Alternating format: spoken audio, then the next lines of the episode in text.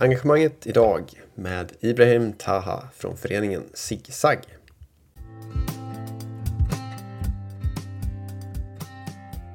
Och det var han som, det kom en period i vårt liv där han brukade säga zigzag, zigzag, zigzag. Och jag tyckte det var, det var ett catchigt namn och det stämmer överens med mottot. För vårt motto är höger, vänster men alltid framåt. Okay. Och det speglar också lite verkligheten att man ska inte tro att det är en rak väg. Utan eh, att det kommer komma utmaningar och att det kommer komma hinder i ens egna liv, vare sig det är privat, professionellt. Eh, men det gäller att hela tiden tänka framåt. Välkommen till Engagemanget. En podd om hopp i en värld av katastrofer, pandemier, krig, fattigdom och allt annat elände finns det trots allt massor av positiva krafter. Människor som vill göra gott för andra, för ett samhälle som håller ihop. Jag vill att de här samtalen ska ge er tillförsikt till framtiden. Att ni inte själva, era värv och vilja att skapa en bättre värld för oss alla. Min vision är att det här ska vara någon slags poddarnas hoppets hamn. Genom dessa berättelser kanske till och med växer en gnista hos dig kring något du vill förändra och att du känner att det faktiskt är möjligt att ta saken i egna händer. I dagens avsnitt träffar du alltså Ibrahim Taha som är verksamhetsledare för föreningen Zigzag Ibrahim tog initiativet till att grunda föreningen utifrån drivkraften att ge unga ambitiösa Malmöbor en plats att utvecklas från. Vi kommer att prata om hur han ser på ledarskap, att ta tillvara på nuet, om att alltid vara där för varandra och såklart en hel del om demokrati. Du får också veta mer om hur deras kärnvärden Consistency is key, Adapt or die och Family over money, vad det står för och hur det visar dem vägen framåt. Ibrahim är en av de klokaste personer jag stött på och det var en ren fröjd att få göra det här samtalet och jag tror att ni också kommer att få en stor behållning av det här. Innan vi startar vill jag också passa på att tacka Föreningscentret Nobel 21 och KC Kompetenscenter för att de lånar ut sin studio så att jag kan spela in det här. Stort tack, ni är grymma. Om du gillar det du hör idag så skulle jag också bli hemskt glad om du vill dela avsnittet till vänner och bekanta, kommentera, recensera och varför inte prenumerera på podden. Så, nu till samtalet med Ibrahim. Håll till godo och hoppas att du ska gilla det. Men varmt välkommen hit då, Ibrahim Taha. Och eh, det, är egentligen, det är sjukt mycket som jag skulle vilja fråga dig om här så vi får se hur långt vi hinner. Men, och vart samtalet leder oss här. Men en, en tanke som jag hade var ju att ta utgångspunkt i den organisation som du var med och grundade, eller som du grundade för ett antal år sedan här, Zigzag. Men jag vet också att du jobbar på Rädda Barnen och vi har ju träffats i de sammanhangen också.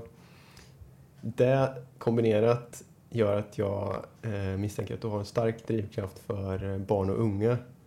Det är ingen long shot, mm. tänker jag. Eh, men skulle du kunna beskriva varför det är så? Varför du tror att det har blivit så? Först och främst tror jag det handlar om min uppväxt i Rosengård. Jag kom ju till Sverige 2002 från Irak, så då var jag tio år. Jag tror jag kunde snabbt se att det fanns tydliga skillnader på, på uppväxtvillkoren och förutsättningar man får som barn beroende på var man bor. Jag fick uppleva det själv eh, då vi var tre killar och en ensamstående mamma som man fick tidigt eh, kämpa, komma in i arbetslivet och försöka försörja sig själv. Och det är något jag är evigt tacksam för. Konstigt nog, men det handlar också om att man växte upp snabbare man mognade mycket snabbare och kunde se lite saker på ett annat sätt. Eh, men också det som jag ser många har svårigheter med nu för tiden. Att, att acceptera verkligheten lite så som den är. Mm -hmm. Trots att det är svårt vid den åldern. Men eh, med stöd från familjen så, så blev det tydligt att när jag, när jag skulle bli äldre och hade kanske bättre förutsättningar så vill man kunna ge tillbaka. Mm. Och det låter lite klyschigt. Det gör det. Jag trodde aldrig det heller.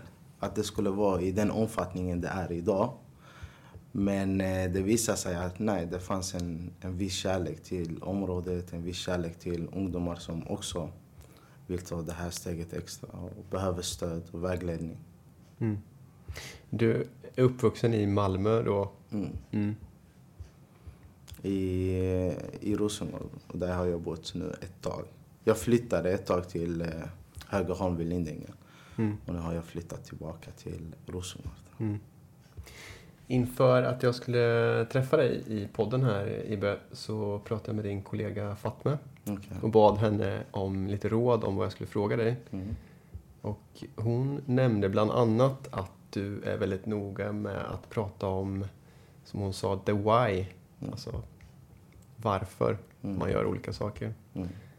Så om du skulle säga vilket är det grundläggande varför i förhållande till eh, zigzag? Mm. Och eh, detta är något som väcktes när jag gick i åttan, nian. Eh, för jag gick först i Örtagårdsskolan. Och eh, i sexan så... I, I vårt hem var det också nästan en självklarhet att man skulle studera vidare, universitet. Så trots eh, förutsättningar så var det givet att man skulle göra det. Och storebror som var tre år äldre kunde också visa vägen på ett helt annat sätt. Och det tror jag också varit en drivkraft till att vi har fortsatt. Men det började med att under en svensk lektion i högstadiet så skulle vi göra ett prov och då fick jag IG. Mitt första IG någonsin. Och jag kommer ihåg det tog väldigt, väldigt mycket på mig. Så jag gick hem och då var jag 12 år och jag sa till mamma, lyssna, om inte jag får byta skola nu så kommer det gå jävligt dåligt för mig. Och då sa hon okej och då bytte jag skola till Stenkullaskolan. Och när jag bytte skola till Stenkullaskolan så var jag inte längre en av de duktiga eleverna.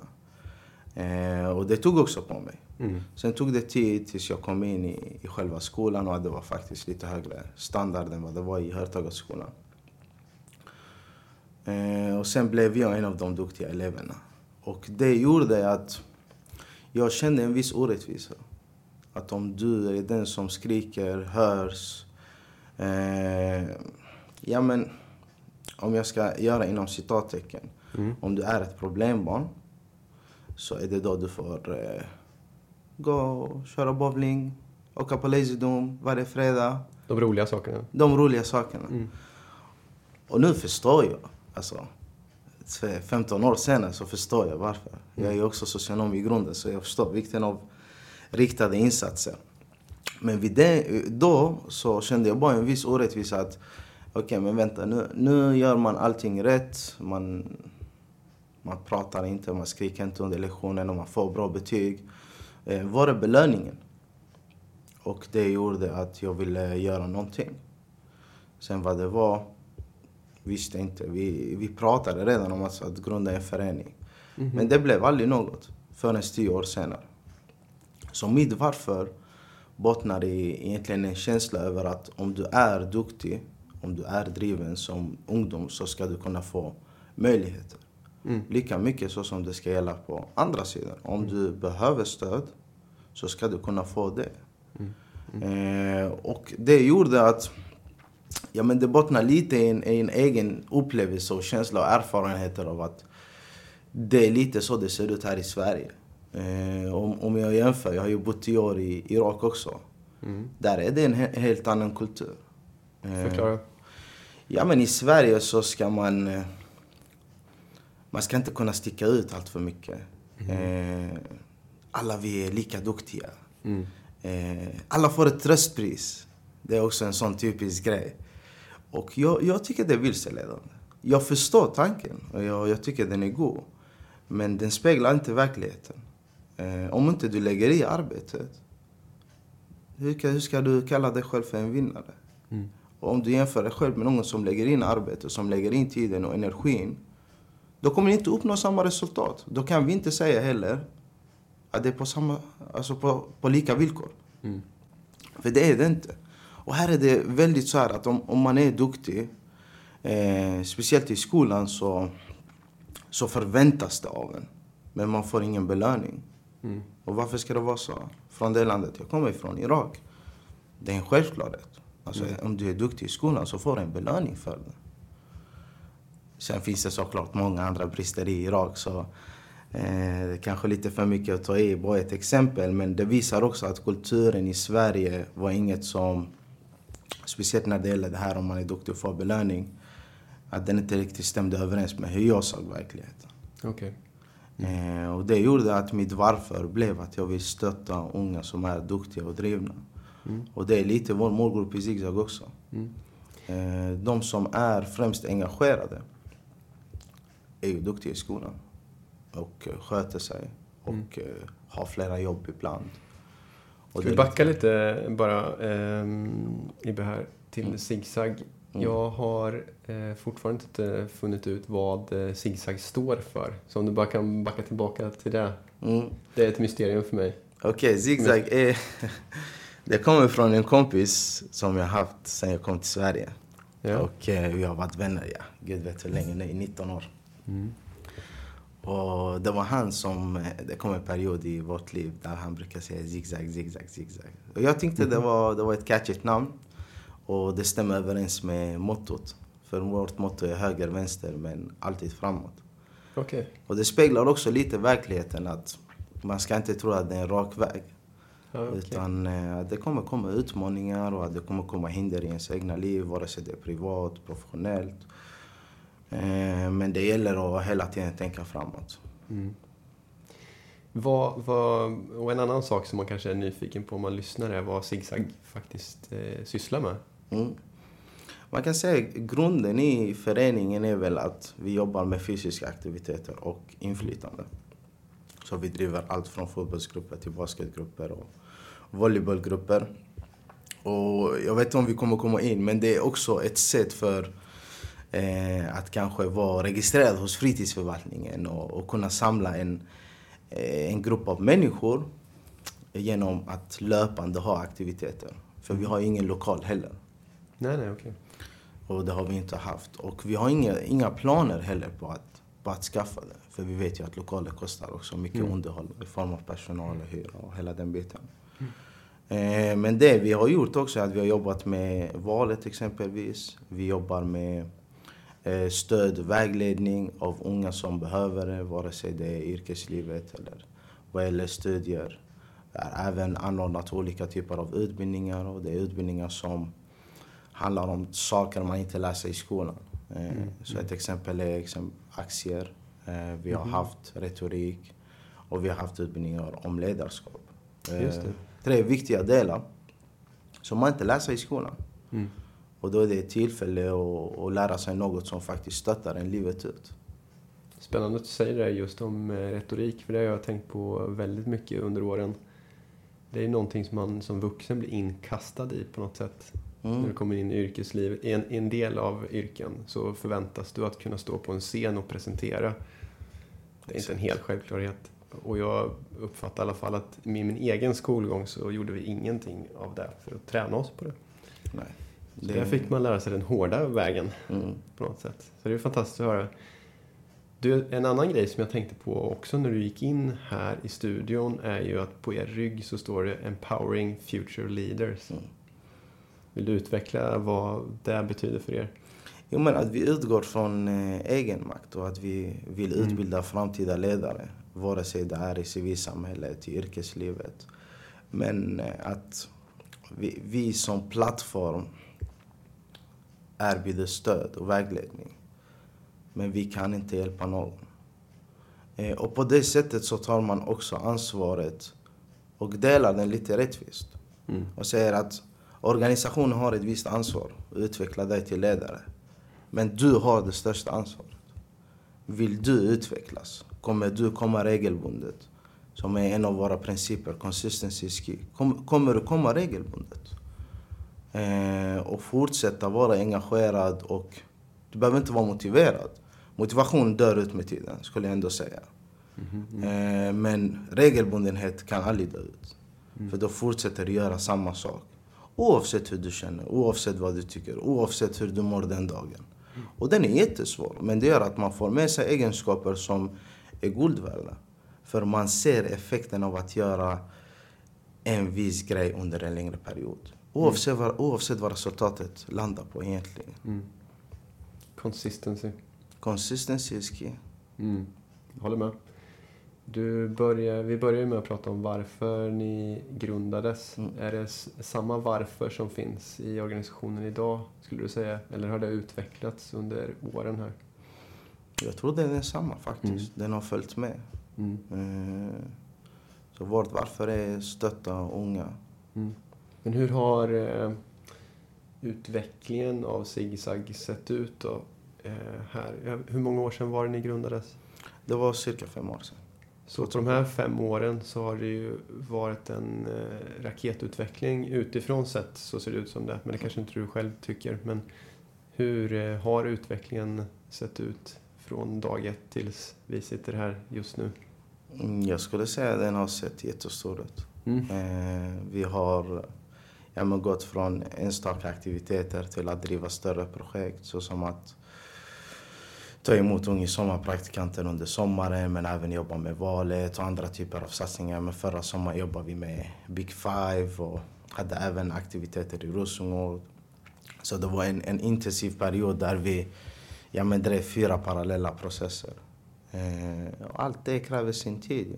Men jag tänker att vi har ändå etablerat en, en viss struktur för att bibehålla ungdomar eh, och deras engagemang. Vi vet ju det är ganska hög omsättning på ungdomar som, kom, som kommer kanske till föreningen och lämnar efter ett tag.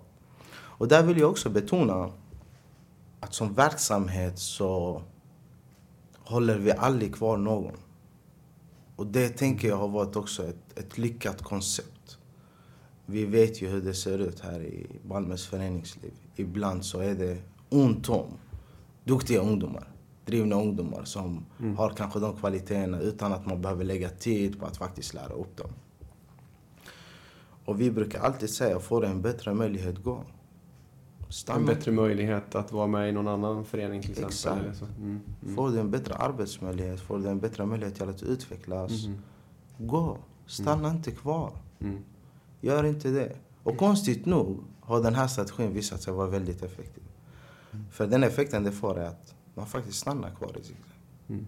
Jag vet inte om det handlar om att man inte känner sig då bunden till att man måste vara kvar. Utan det, är, det kommer lite av fri vilja. Att jag vill vara engagerad här. Mm. Du Ibbe, det här, det här är en lite knivig fråga som jag tänkte ställa dig. Mm. Men eh, ofta när man pratar om eh, framgångar och speciellt när man pratar om eh, framgångar för en förening till exempel som har grundats relativt nyligen så, så vill ju jag också eh, försöka ta reda på vilken din egen betydelse i den resan har varit. Mm. Och då är min upplevelse än så länge att de flesta som är i din position eh, inte vill prata om det här så mycket. Mm.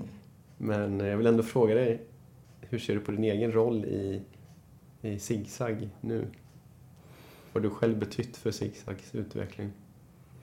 Ja, det är ju alltid svårt att sitta här och lite Mm. skryta om sig själv. Men, eh, ja, men jag tror absolut den har varit viktig. Eh, det tänker jag. Mm.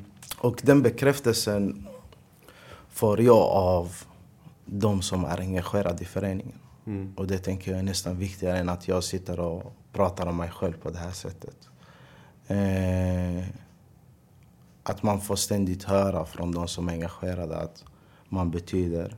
Och jag brukar också säga till dem att för mig är zigzag en, en del i mitt liv som gör att jag kan samla energi och kraft för att fortsätta med allt annat. Att när jag bara kommer in till en av de här mötena och får, får höra komplimanger.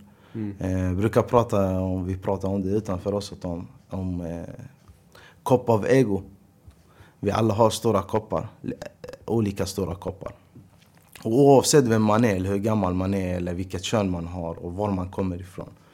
Så behöver den koppen fyllas. Men det är viktigt att inte låta sig styras av den här koppen. Mm. Och för det så krävs ett aktivt tankesätt. Om att vi alla har ett ego.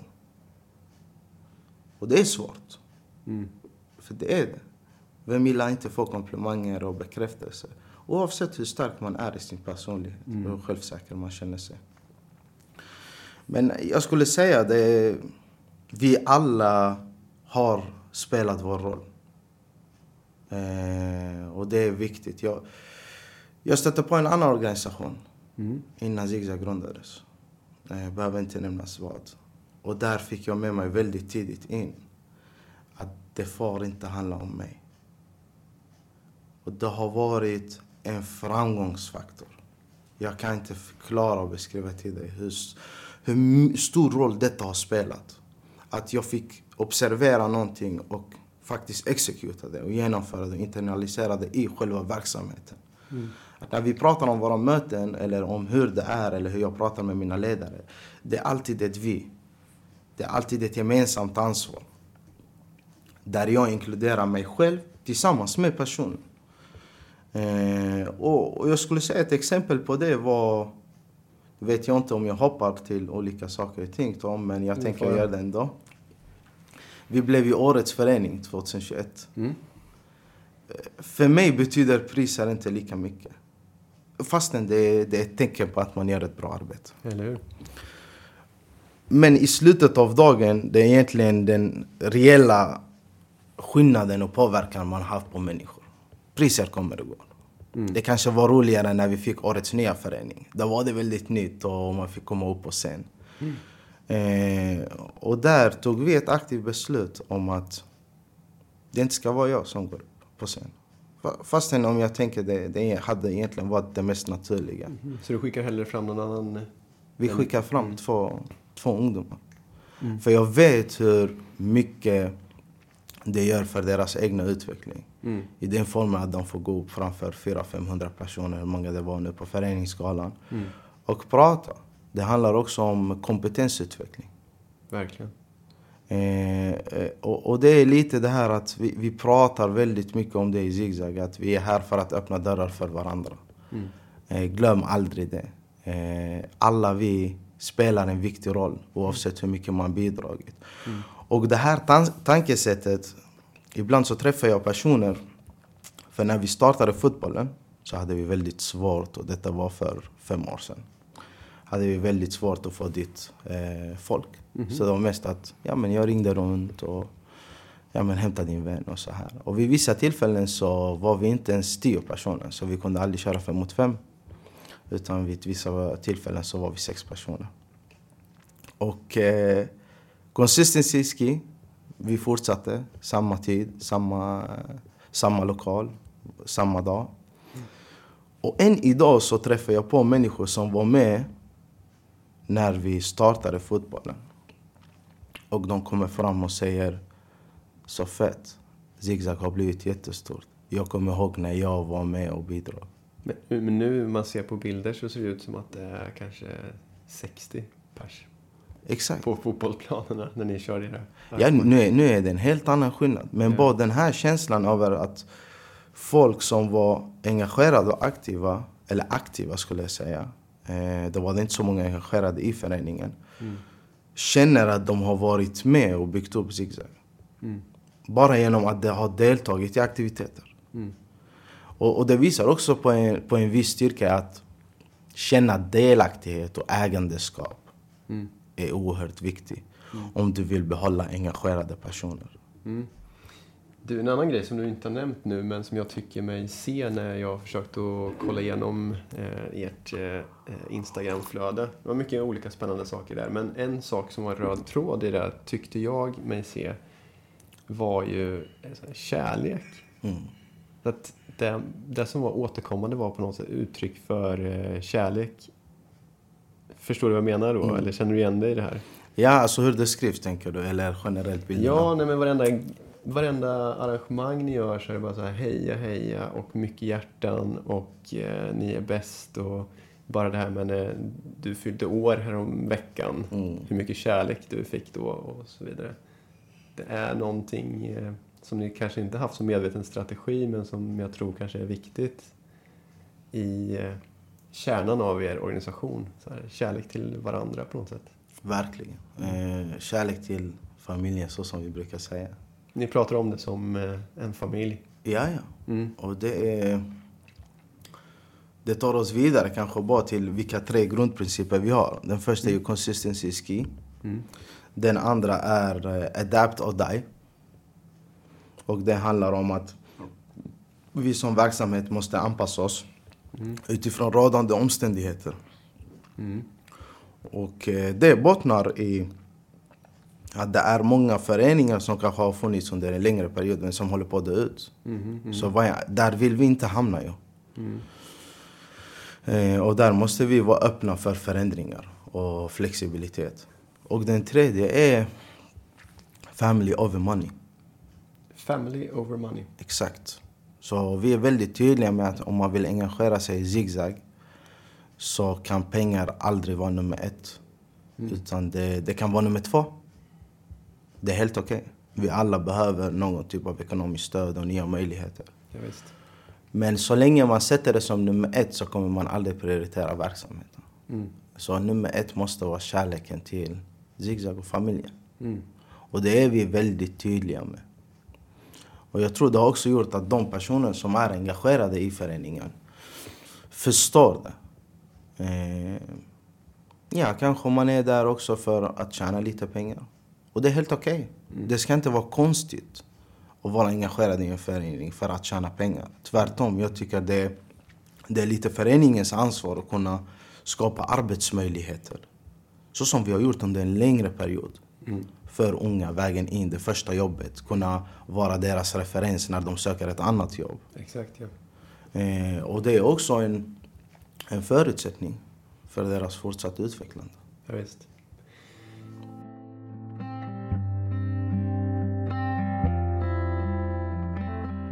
Jag tänkte att vi skulle kasta oss in i ett annat ämne, Mm. eh, Ibrahim, här, som jag ville prata om och det är demokrati. Mm.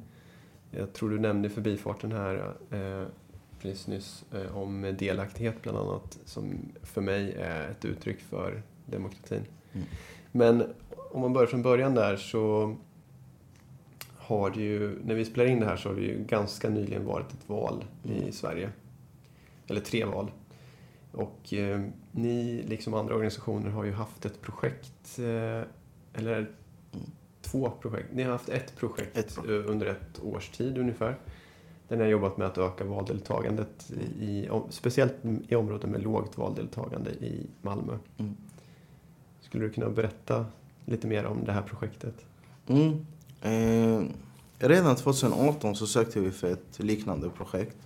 Och sen gjorde vi det 2021 och nu fick vi också stöd från Malmö stad inför Mm. sommaren. Så vi har jobbat främst med uppsökande arbete och att anordna event där vi skapade utrymme för samtal med olika politiker. Och jag brukar säga samma sak att vi ska... Jag kan inte sitta här och sitta och säga att vi har gjort världens största skillnad. Nummer ett, vi är inte den enda organisationen som har jobbat med de här frågorna. Nej. Nummer två, överskatta aldrig hur mycket man kan göra eh, på ett år. Men Mm. underskatta aldrig hur mycket du kan göra inom fem år. Mm. Så det handlar lite om tidsperspektivet. Att det här är frågor som man måste jobba med långsiktigt. Mm. Mm. Och regelbundet. Mm. Eh, och det är där jag tror att det har varit svårigheter för att inom civilsamhället så är man ju beroende av bidrag för att kunna jobba med de frågorna. Mm. Eh, och det skapar också utmaningar att göra saker långsiktigt blir mycket svårare.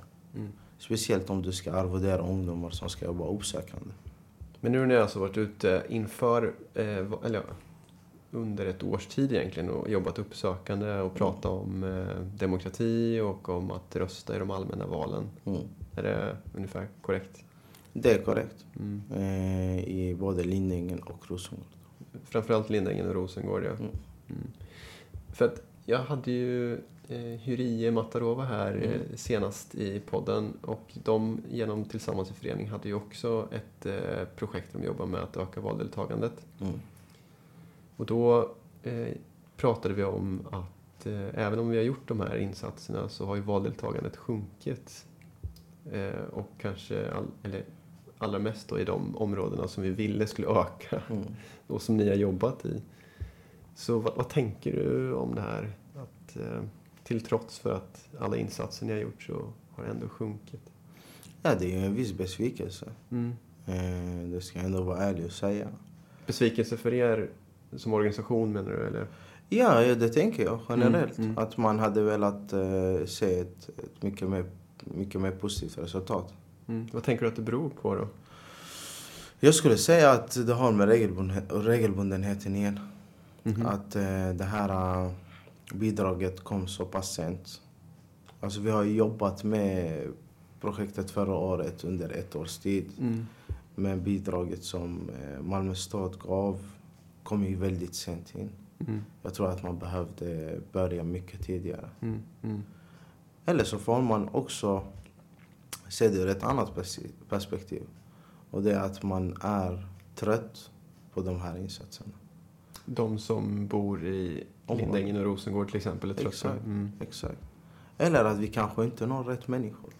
Mm. Där får jag också vara ärlig och säga att man får vara lite självkritisk. Eh, vem är det som röstar? Är det de vi stöter på Mm. ute när vi har vårt upp- uppsökande arbete? Mm. Många röstar som vi stöter på. Och de som inte röstar är blankt nej. Jag vill inte rösta, jag kommer inte rösta. Så det är, det är de människorna kanske i mitten som man bör hitta. De som Ja. man inte ser utanför. Eh, som kanske... Vi har jobbat tidigare med dörrknackning. Vi vet inte heller vad det ger för effekt på riktigt. Men Mm. det kan också vara en metod. Den metoden använder vi inte nu när vi jobbade med valdeltagandet. Men för nu var ni ute på gator och torg i princip. Exakt. Mm. Bjöd på kaffe. men om man, det här är jag nyfiken på. Eh, om, om, man säger, om man träffar någon som bara säger nej, jag tänker inte rösta. Mm. Eh, Vad har ni för eh, argument då? Eller lämnar ni det, den personen därhän liksom, och accepterar det? Eller hur, hur, hur bemöter man den Mm. inställningen? Och många av våra ambassadörer går ju utbildningar innan de, Mm. eller alla går en utbildning innan man jobbar uppsökande. Där vi jobbar med att förstå både psykologin bakom att man säger nej, men också lära oss om försäljning. För det handlar ju om, i grund och botten om att du ska sälja en idé för någon som inte är övertygad. Mm. Eh, Så jag skulle säga att nej, vi släpper inte personen. Men märker vi att efter eh, samtal på 5-10 minuter att den här personen inte kommer ändra sig. Då är det bättre kanske att rikta energi någon annanstans. Mm. Vilka är argumenten ni börjar med då? Börjar ni fråga varför, Varför? du tänker så? Eller? Mm. Varför? Mm. Ja, men det är för att eh, politiken gör ingen skillnad. Mm. Vad säger då- man då? Ja, men då går man in lite och blir personlig. Ja, men har du barn? Eh, Mhm. Nej, jag har inte barn. Ah, Okej, men kör du bil? eh, ja, men det gör jag. Okej, så du kör bil men du har inga barn. Så du påverkas av bensinpriser? Eh, ja, det gör jag. Okej. Mm. Visste du att det beslutades om bla bla bla Mm. som påverkade bensinpriset? Eh, och säg att personen skulle säga jag har ingen bil. Okej, har du pappa och mamma? Hur gamla är de? Är de pensionärer? Visste du att det fanns politiska beslut som bestämmer över Mm. hur Mm. mycket de ska få. Eller hur mycket de kanske har fått förändringar, hur mycket de ska få. Så det är lite trycka på de här personliga delarna och visa att nej, du kanske säger att det inte spelar någon roll, men det spelar roll. Det tas ju politiska beslut hela tiden. Som faktiskt påverkar vår vardag. Mm. Oavsett vad du röstar på. Då undrar jag eh, hur, hur du tycker att det handlar om okunskap också kanske. De här frågorna du precis eh, gav exempel på Mm. är ju kanske någonting som man inte är helt medveten om. Mm. Vad som styr till exempel. Mm. eh, Hur mycket kollektivtrafiken ska kosta eller ja, hur hemtjänsten funkar eller så vidare. Mm. Ja, men både okunskap men också kanske en viss trötthet. Mm. I att jag orkar inte längre Mm. svara på samma sätt. Mm. Jag vill inte rösta, punkt slut. Okej. Låt mig vara. Mm. Typ så här, jag, jag har, det funkar för mig. Så jag vill, jag vill inte rösta. Mm. Mm. Och ibland kan man inte tvinga personerna heller. Mm. Eh, många gånger hamnar man faktiskt i dispyter också. Okej. Alltså, men... Eh, för vi känner att nej, men det, är, det är nästan en skyldighet att rösta. Alltså. Eller det är det. För mig är det i alla fall. Mhm. Lika mycket som en rättighet. Så varför gör du inte det då? Nej men de politikerna gör ingenting. Ja, men jag gav dig precis tydliga exempel på att de faktiskt gör saker. Nej men jag vill fortfarande inte rösta. Mm. Och det gör en ibland irriterad. Mm. Jag brukar tjata väldigt mycket om att aldrig låta känslor ta över. Ändå om det är så pass svårt. Men man blir ibland irriterad och frustrerad. Mhm. Att här står vi och försöker övertyga dem att du ska rösta och ändå vill du inte göra det. Efter att man har lagt fram många rimliga argument Mm. till varför man ska rösta. Eh, Men då får man bara tacka och säga tack för samtalet och så haffa nästa person. Mm. Du var inne på en grej som jag också ville komma in på. Det var ju det här att vi gjorde de här, eller ni gjorde ju det här projektet och andra föreningar gjorde det här projektet precis innan valet. Mm. Eh, och det är kanske lite för sent att börja. Mm. Då undrar jag så här. Det handlar ju inte bara om att, det handlar ju egentligen inte bara om att rösta. Demokrati är ju så mycket mer, enligt mig i alla fall. Mm. Det står ju, rent ordagrant så betyder det ju folkstyre. Mm. Mm. Men då tänker jag, vad gör vi mellan valen? Hur ser du på det? Vi, vi jobbar ju med att skapa inflytande och delaktighet. Mm. Men inom organisationen. Både inom ZigZag tänker jag och ditt eh, dagjobb i Rädda Barnen. Ja, det gör vi genom eh, våra direktstödverksamheter inom Mm. Rädda Barnen. Mm. Där skapar vi inflytande i att den målgruppen vi jobbar med får vara med och utforma vad de tycker att vi ska göra. Mm. Eh, och det, det tar oss tillbaka lite det här med vad är det som gör att en person fortsätter vara engagerad. Delaktighet som leder till ägandeskap. Mm. Att jag känner jag äger zigzag lika mycket som ungdom. Och då kanske jag bara, jag vill inte avbryta det där, men en tanke som slog mig där är Mm. Att, man ska känna att jag är delaktig i samhället på samma sätt som jag är delaktig i ZigZag till exempel. Absolut. Att jag är medägare i Malmö. Mm. Absolut. Eh, och, men det kräv, i slutet av dagen Tom, så krävs det ändå mycket resurser. På vilket sätt? För, förklara. Om man ska jobba, det, det är enkelt att jobba med delaktighet inom organisationen. Mm. Men ska man jobba med samhällsdelaktighet för personer som kanske inte är engagerade i organisationen, då krävs det tydligt ekonomiska medel för att kunna göra det. Mm.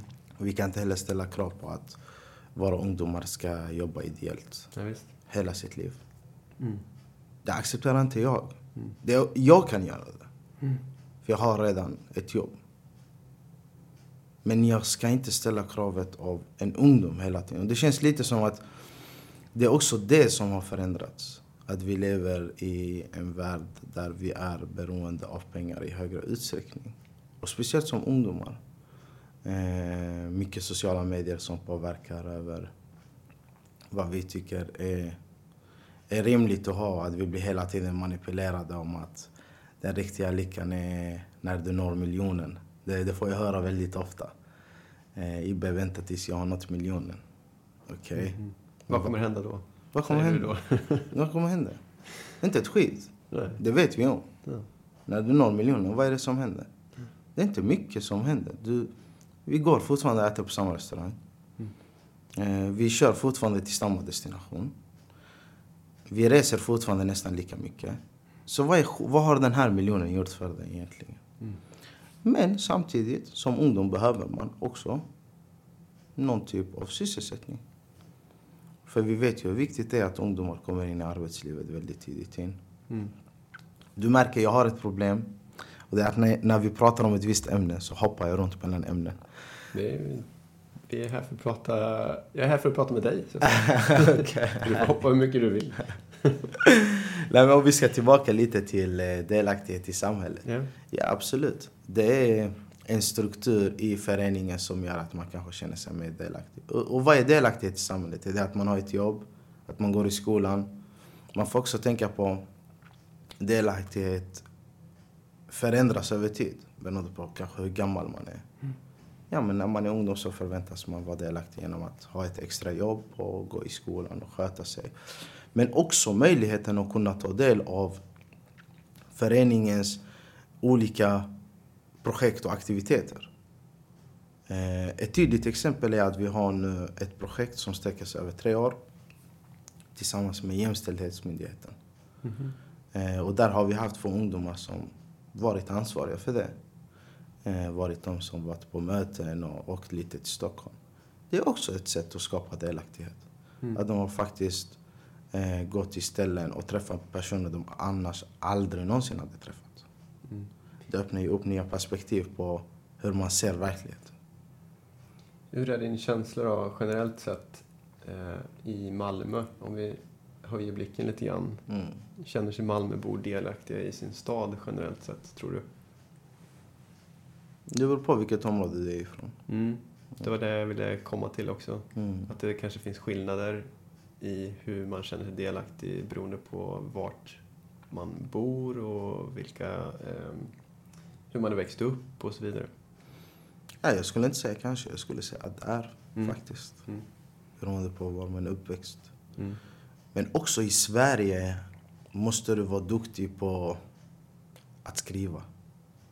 Och kunna förmedla och uttrycka dig. Att kommunicera. Verkligen. Mm. Eh, Det är oftast det som kanske blir lite svårare när vi pratar om, eh, ja men säg Rosengård.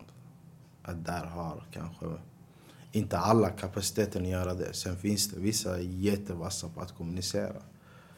Och, och där tror jag är den största skillnaden. Att här hörs du utifrån hur du skriver och kommunicerar utåt. Mm. Och det är inte alla som kan göra det. Och därför blir det lite orättvist. Mm.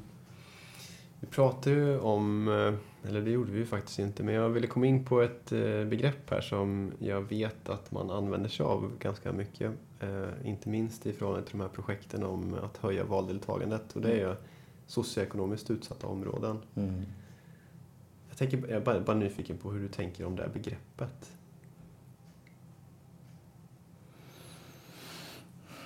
Det är inget långvarigt begrepp. Antagligen kommer det ändras. Så som allt annat. Mm.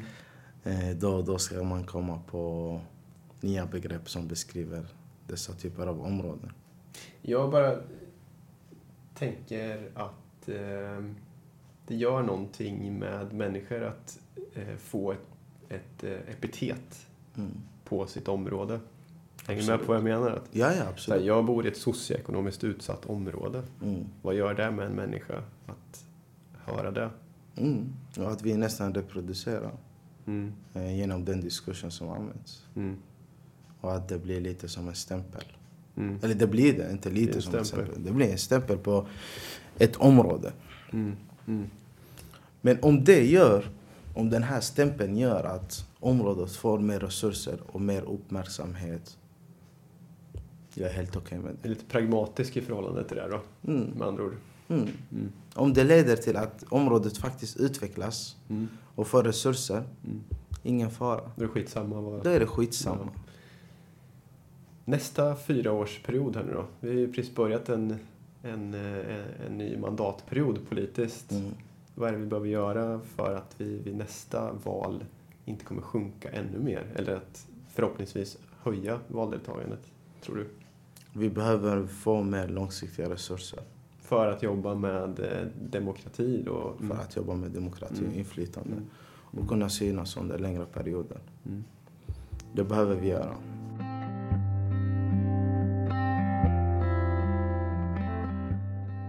Ett lappkast till, tillbaka till Zigzag Mm. som förening, eh, Ibbe. Och eh, jag tänker att en, en viktig del i en levande, levande demokrati är civilsamhällets organisationer. Mm. Och du förklarar ju inledningsvis era tre grundpelare där och era värderingar. Ehm, hur, ska säga, hur vidareförmedlas de till era aktiva su- successivt? Ingår det i en, någon slags introduktionsutbildning när folk kommer att bli aktiva eller hur, hur ser det ut i praktiken? Mm, För våra aktiva kanske inte lika mycket. Nej? Eh, för där har vi, känner vi också att vi inte har rätten att ställa samma typ av krav. Att Mhm. man ska kunna ha kärleken för familjen och du vet, alla, följa alla dessa tre principer. Men Mm. för de som vi kallar för våra ambassadörer, som är den gruppen av engagerade ungdomar, så får de genomgå en utbildning där de får en förklaring till varför vi tänker på det här sättet. Mm. Så det blir också levande på det.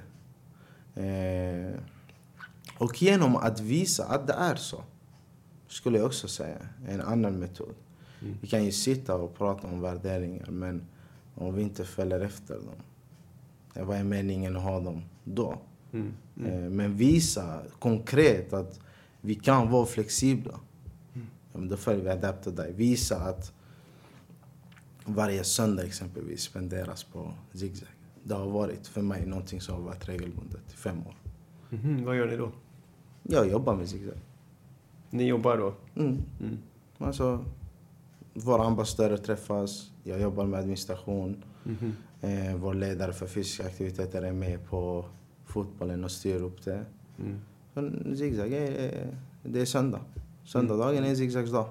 Mm. Eh, och det visar också att om man fortsätter faktiskt visa att man följer de här principerna så kommer människor tro på att man gör något rätt. Eh, och nu har vi fastnat också i ett, ett kugghjul som hela tiden snurrar och handlar om att vi ska bibehålla det vi redan har. Men för tre år sedan hade vi inte så mycket. Då var det mycket diskussioner om vision. Och där tycker jag att vi har blivit sämre på. Att vi pratar inte lika mycket om vision. Vi hade en femårsplan när Zigzag, Zigzag grundades. Där är vi nu. Där är vi nu. Och vi behöver ytterligare en fem år till. För femårsplanen var att vi skulle bli en nationell organisation. Ja, just det. Eh, det tror jag att man var lite för överambitiös. Och det är okej. Jag tänker att man, det är därför det kallas för vision. Att man får lite drömma sig bort. Och nu kommer vi åka på ett internat. Som Wow. vi har. Eh, och detta var en tradition som vi implementerade förra året. Mm. Att varje år ska alla engagerade oavsett i vilken roll öka tillsammans, stärka gemenskapen, prata om vägen framåt. Nästa fem år. Nästa fem år. Hur ser du på de nästa fem åren då? Lite innan ni har åkt på det här internatet. Vad tänker du själv? Hur det har sett ut de här fem åren. Ja, jag tänker på kommande fem år. Vågar du avslöja dina egna drömmar kring zigzag för de kommande fem åren? Alltså ambitionen är, och det har den alltid varit. Sen har zigzag blivit en jättestor del av mitt liv också. Men ambitionen har alltid varit att kunna lämna det vidare. Att du själv ska kunna lämna det vidare? Ja, exakt. Mm. Eh, sen är man alltid rädd att det inte går så som planerat. Vad ska du göra på söndagarna då? Nej, Jag vet, jag får hitta något annat. jag får väl hitta något annat. Men En ny eh, organisation att starta. Det blir svårt. Alltså det blir lite som en del av ens egna identitet. Eftersom du pratar om det som familjen också så tänker jag det blir en, kanske ännu svårare. Verkligen. Verkligen. Men kanske ha, ha fler samarbeten, samverkat med fler aktörer, tagit emot eh, fler unga sommarpraktikanter. Mm. Eh, kanske ha någon som jobbar på heltid i föreningen. För det finns inte nu. Det finns inte. Nej. Nej. Det finns inte. Vi får ju in och ut pengar. Mm. Alltså pengar för att göra en viss satsning som betalas oftast till eh, löner och arvoden till ungdomar och sen Mm. så är det slut med det. Mm. Mm. Du nämnde en grej här nu också som jag ville eh, fråga dig om och det är ju i förhållande till andra aktörer. Mm. Här, samarbeten med andra, hur ser du på det? Hur viktigt har det varit för Zigzags utveckling? En framgångsfaktor. Ja. En, eh, en förutsättning om du vill bygga upp en eh, stabil organisation som har förtroende inom civilsamhället. För vi lever ju också vår egen värld. Mm. Organisationer ingen- inom mm. civilsamhället. Mm. För jag, jag tänker, det är ingen självklarhet att ha den strategin eller den tanken. För vissa organisationer så handlar det om att konkurrera med andra. Och det har visat sig att det är fel strategi att gå. Tycker vi i alla fall. Mm. Du, om, man, om man genuint säger att jag är här för ungdomarnas bästa Ja. och för deras utveckling så får jag aldrig tänka på det perspektivet. Att vi konkurrerar med andra. Nej, Det som vi, som vi pratade om tidigare. Får en bättre möjlighet, gå. Så vi brukar flyg fågel, flyg. Mm. Ko- Kom inte tillbaka. Gå, det finns en bättre möjlighet. Då, då har du gjort ditt i Zigzag och Zigzag har gjort sitt för dig. Och samverkan är oerhört viktig. Eh, speciellt eftersom man kanske inte har en egen lokal. Men ändå har vi möjlighet att kunna använda olika typer av lokaler om man skulle ha verksamhet, möten, aktiviteter. Eh, men det har också visat sig när man kanske söker större projekt. Det är ingen som beviljar det om du är ensam. Eller det är mycket svårare Och man förstår ju att när man samverkar med någon så ska man inte göra det bara för att. Det måste jag också förtydliga. Antingen gör man det för att komplettera varandras svagheter. Eller så gör man det ur ett strategiskt perspektiv. Mm. Där, man vet, där man vet att man behöver varandra för en viss vision. Mm. Eh, Så man ska inte samverka bara för att. Det ska finnas ett syfte. Och, det, och det, det har vi lärt oss med tiden. Mm. I två, tre år efter att Zigzag grundades så samverkar vi med allt och alla. Mm. Eh, nu samverkar vi med vissa aktörer och kan samverka med vissa under vissa omständigheter. Mm. Hur är det att samarbeta med offentliga myndigheter? Hur funkar det? Alltså jag har inte haft några konstigheter. Nej? Faktiskt. Mina erfarenheter säger att det ändå fungerat. Mm. Sen är det såklart eh, jobbigt med att rapportera och redovisa. Det är den tråkiga biten. Sitter du och gör på söndag? Ja, söndagarna nu? det gör jag. jag försöker eh, vänta med det sista sekunden. Det är då jag blir som mest effektiv. Men Nej, men det, det är mycket administration bakom det. Ja, visst. Eh, men, men det tar oss tillbaka till princip nummer ett. Det spelar ingen roll. Det spelar ingen roll vad, vad som händer med mig på en söndag. Eller hur jag mår på en söndag. Jag går dit för att göra det jag ska göra. Mm. Och speciellt när man inte har en viss ram, att jag behöver vara där i åtta timmar. Nej, känner jag att jag är nöjd efter två, tre timmar så avslutar jag. Vilken frihet. Eller hur? Ja, Men arbetet måste göras. ja visst. Det må, ändå om jag inte tycker det, det här är, det här är de sista arbetsuppgifterna som jag tycker är roliga. Mm. Men det måste göras. Mm. Och då gör man det. Helt inledningsvis så pratar ju du, du bara nämnde eh, din egen uppväxt och du sa att du hade blivit tvungen att, bli vuxen ganska snabbt egentligen. Eller var så jag tolkar det i alla fall. Mm. Men, men när man sitter här och pratar med dig så slår, slår det mig också om att du är fortfarande inte så gammal. Mm. Men du visar ju på en otroligt personlig mognad i ditt sätt att eh, prata tycker jag. Mm. om saker och ting. Så jag vill eh, bara passa på att fråga dig om en grej som jag snappade upp på Instagram också, återigen. Ni hade något möte, det kanske var en av de här söndagarna, men då, jag tror de kanske firade din födelsedag till och med. Eller Mm, någonting sånt. ja. Men då sa du så här att eh, this too shall pass. Mm. Då refererade du till Robert De Niro. Jag har hört eh, det, eh, det begreppet i andra sammanhang också. Mm. Eh, tror kanske att buddhismen använder en hel del av den. Det gjorde mig nyfiken på Mm. här, din egen personliga mognad och du, använder, och du pratar om acceptans här Mm. eh, under tiden också. Eh, har du någon slags eh, relation till mindfulness eller meditation eller något liknande som du bär med dig? Eller var kommer de här grejerna ifrån? De kommer från en tanke över hur man vill leva sitt liv. Mm. Eh, kanske ingen mindfulness direkt. Men jag tror, jag tror man ser inte det på den videon. Men innan jag sa det så sa jag att jag lever mitt liv utifrån principer och citat. Och det, Aha, okej. och det är för mig något som underlättar och påminner mig om när jag själv går igenom vissa utmaningar i livet. Eh, och erfarenheter gör en också mycket, mycket mer härdad. Eh, och, man- och man förstår, jag tror så här, ju snabbare man förstår att sluta grubbla över det förflutna så tror jag Mm. det blir så mycket bättre. Bara det här citatet med this shall pass. Ja, allt, allt, allt ser jättebra ut nu. Men jag har varit i den här situationen tidigare. Och dagen efter har det blivit kaos. Mm. Men det är okej, för det kommer också gå över. Mm. Inget är långvarigt, allt är tillfälligt. Mm. Och eh, här tror jag det, det handlar om att man, man behöver träna på det. Jag är, inte, jag är inte fullärd. Jag kommer aldrig bli fullärd. Det är något som jag skickar vidare till mina ledare. Att tro aldrig att du är färdig ledare. Så, så fort du tror du är färdig ledare, det är då du är en dålig ledare. Mhm. Mm. För vad händer då? Då slutar man utvecklas. Då slutar man ta in ny kunskap för att faktiskt bli en bättre ledare. Mm. Och det tar jag med mig hela tiden. Mm. Att vi måste vara nyfikna på att lära oss, öppna för att lära oss nya saker. Och det blir svårare ju mer man vet. Mm. Ja men säg nu, nu har jag varit verksamhetsledare i Zigzag i fem år. Jag har mycket svårare att lyssna på feedback av vem som helst. Mm. Nu vill jag nästan lyssna på feedback av någon som också har varit ledare. Det blir nästan mer som en legit feedback. Okay. Och här krävs det också ett aktivt tankesätt. Att nej, gå tillbaka till att du ska vara öppen för att vilja lära dig av vem som helst egentligen. För du vet inte vad du får med dig. Mm. Speciellt jag som lever mitt liv utifrån citat och, och principer.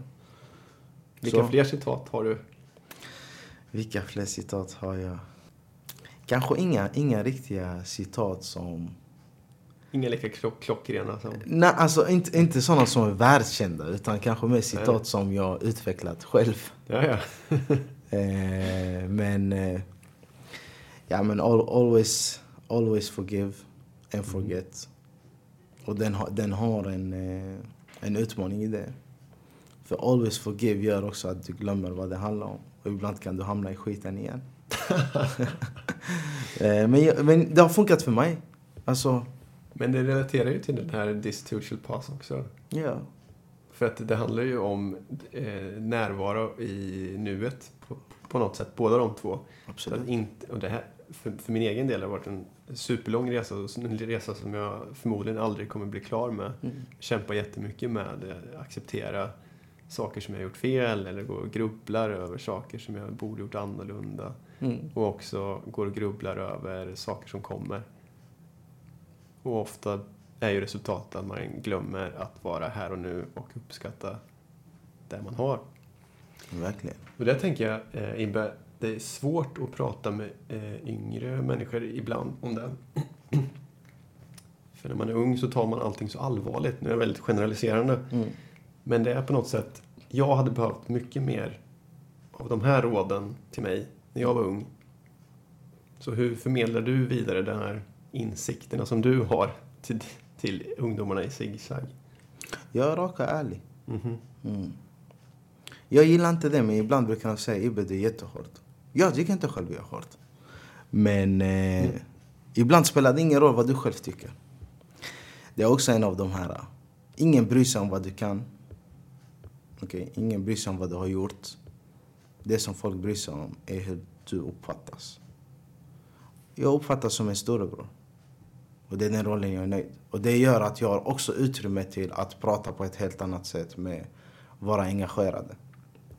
Bara ett enkelt exempel. Förra gången vi hade möte eh, så stannade jag tror fem, sex personer kvar och vi ja, men fortsatte lite informellt. Jag sa till dem, kom hit, eh, ge mig era mobiler. Ja, ni ska alla ladda ner Avanza. Ni ska börja eh, med att månadsspara pengar i aktier. Ah, nej, nej, det är riskigt. Ah, det bry, jag bryr mig inte, kom hit. Litar du på mig? Ja, okej. Okay. Kom så ska jag göra det till dig. Mm -hmm. eh, så det gör också att jag kan ställa lite andra krav och prata på ett annat sätt med dem jag vet är mest engagerade. För de har ett visst förtroende till att jag aldrig skulle vilja ge, ge dem fel råd eller eh, göra att de hamnar i knipa. Tvärtom, jag önskar att någon kom till mig när jag var 14-15 år och, och tvingade mig att sätta in pengar i aktier då. Mm. Tänk dig hur, hur det hade sett ut nu. Nu ska man inte grubbla över vad som hade kunnat hända. Men det, det, det, är lite saker som vilar i att jag hade också velat ha någon. Men också raka ärlig. Mm. Eh, du behöver vara öppen. Jag hade ett samtal med en av ledarna för inte så länge sedan. Eh, och jag märkte, en, en av de citaten jag har också är Låta aldrig känslor ta över. Det pratar vi om också utanför. För så fort du låter dina känslor ta över så handlar du inte längre förnuftigt utan du, du handlar utifrån känslor. Och den är jättesvår. Mm. Och så sa jag till eh, den personen att det har inte skötts på rätt sätt. Eh, det är dags. Och den här personen har fått nu många tillsägelser. Mm. Personen kände att jag la väldigt mycket skit på, på att den inte har fullföljt sitt uppdrag. Och så sa jag ja. Så jag förnekar inte att jag la all skit. För att jag ville visa att om du är övergripande ansvarig för någonting, då tar du ansvaret. Mm. Så som om något går fel i zigzag, då har jag det yttersta ansvaret. Om något går fel i fotbollen, då har vår samordnare för fysiska aktiviteter det yttersta ansvaret. Om något går fel med ambassadörer, då har vår samordnare för ambassadörer det yttersta ansvaret. Mm. Det handlar lite om att var hård, men visa kärlek. Mm. Samtidigt. Och, och, och, och, säga så som det är att nu upplever jag att du inte är öppen för feedback. Mm. Det är jätteviktigt att du är öppen för feedback. För vem vill få negativ feedback? Mm. Men det är också en läroprocess. Mm. Att kunna faktiskt stå emot trots att man inte själv ser vad man har gjort för fel och misstag. Mm. Nej, men att eh, vara hård, som du säger, är ju ett, ett annat sida av, av myntet. Så att, att du har kunnat ge ett ansvar till någon. Och det handlar ju om att visa tillit till någon. Mm. Jag tror att du klarar av det här. Det är högt ställda mål, men jag tror att du klarar av att leda den här verksamheten till exempel. Mm. Men jag har krav på dig också sen. Absolut. Mm. Det tror jag får de här eh, ungdomarna att växa som personer. Verkligen. Mm. Vi kan inte bara sugarcoata dem hela tiden. Mm. Det kan vi inte. Ännu en gång, det är lite som det här exemplet. Alla är, alla är vinnare. Mm. Nej. Mm.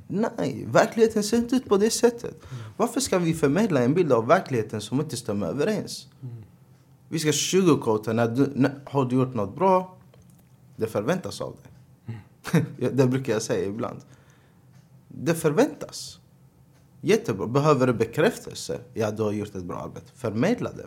Mm. Det är också en av de egenskaperna som är guld värda. Att kunna vara rak och ärlig. Och, och faktiskt förmedla exakt det man känner och det man tycker och det man vill. Mm. Det underlättar för mig och för den, den personen som du faktiskt interagerar med. Att den förstår vad det är du vill. Istället för att jag ska spekulera i vad du kanske vill. Mm. Helt avslutningsvis, Ebbe. Um, vi har ju varit inne på det ena och det andra kring zigzag så och eh, om du får lyfta blicken lite och bara tänka för dig själv eller på jobbet eller så vidare. Eh, vad, eh, vilka stora förändringar i samhället är det du vill vara med och påverka nu framåt? Och vad är det som känns lustfyllt i det? Jag vill stärka ungas förutsättningar ännu mer. Mm. Jag vill att man ska fortsätta satsa och kanske satsa mer på de områden vi, vi är ifrån. Mm. Eh, och att det behövs fler organisationer som gör samma sak. Om du, om du vill ge ett tips till den som har lyssnat här då. Att, eh, kan man engagera sig i Zigzag? Mm. Hur eh, gör man då? Ta kontakt med oss på Instagram och så blir man hänvisad till vår samordnare för kultur mm. som har hand om ambassadörsgruppen. Mm. Eh, och där får man gå en testperiod på sex månader för att se om det är något för en själv. Mm. Och sen är man officiellt en av ambassadörerna. Och då får man möjligheter i form av studieresor, ibland arbete, när vi har möjlighet. Och en gemenskap som jag inte tror finns i många, många andra arenor. Och en snygg tröja med zigzag-emblemet på. Absolut, där står en par future leaders där bak. Ibbe, tusen tack för samtalet. Det har varit en ära att ha med dig här. En stor inspiration som ledare tycker jag du är. Och eh, jag hoppas att våra vägar fortsätter att korsas. Det kommer de göra. Tack. Tack själv.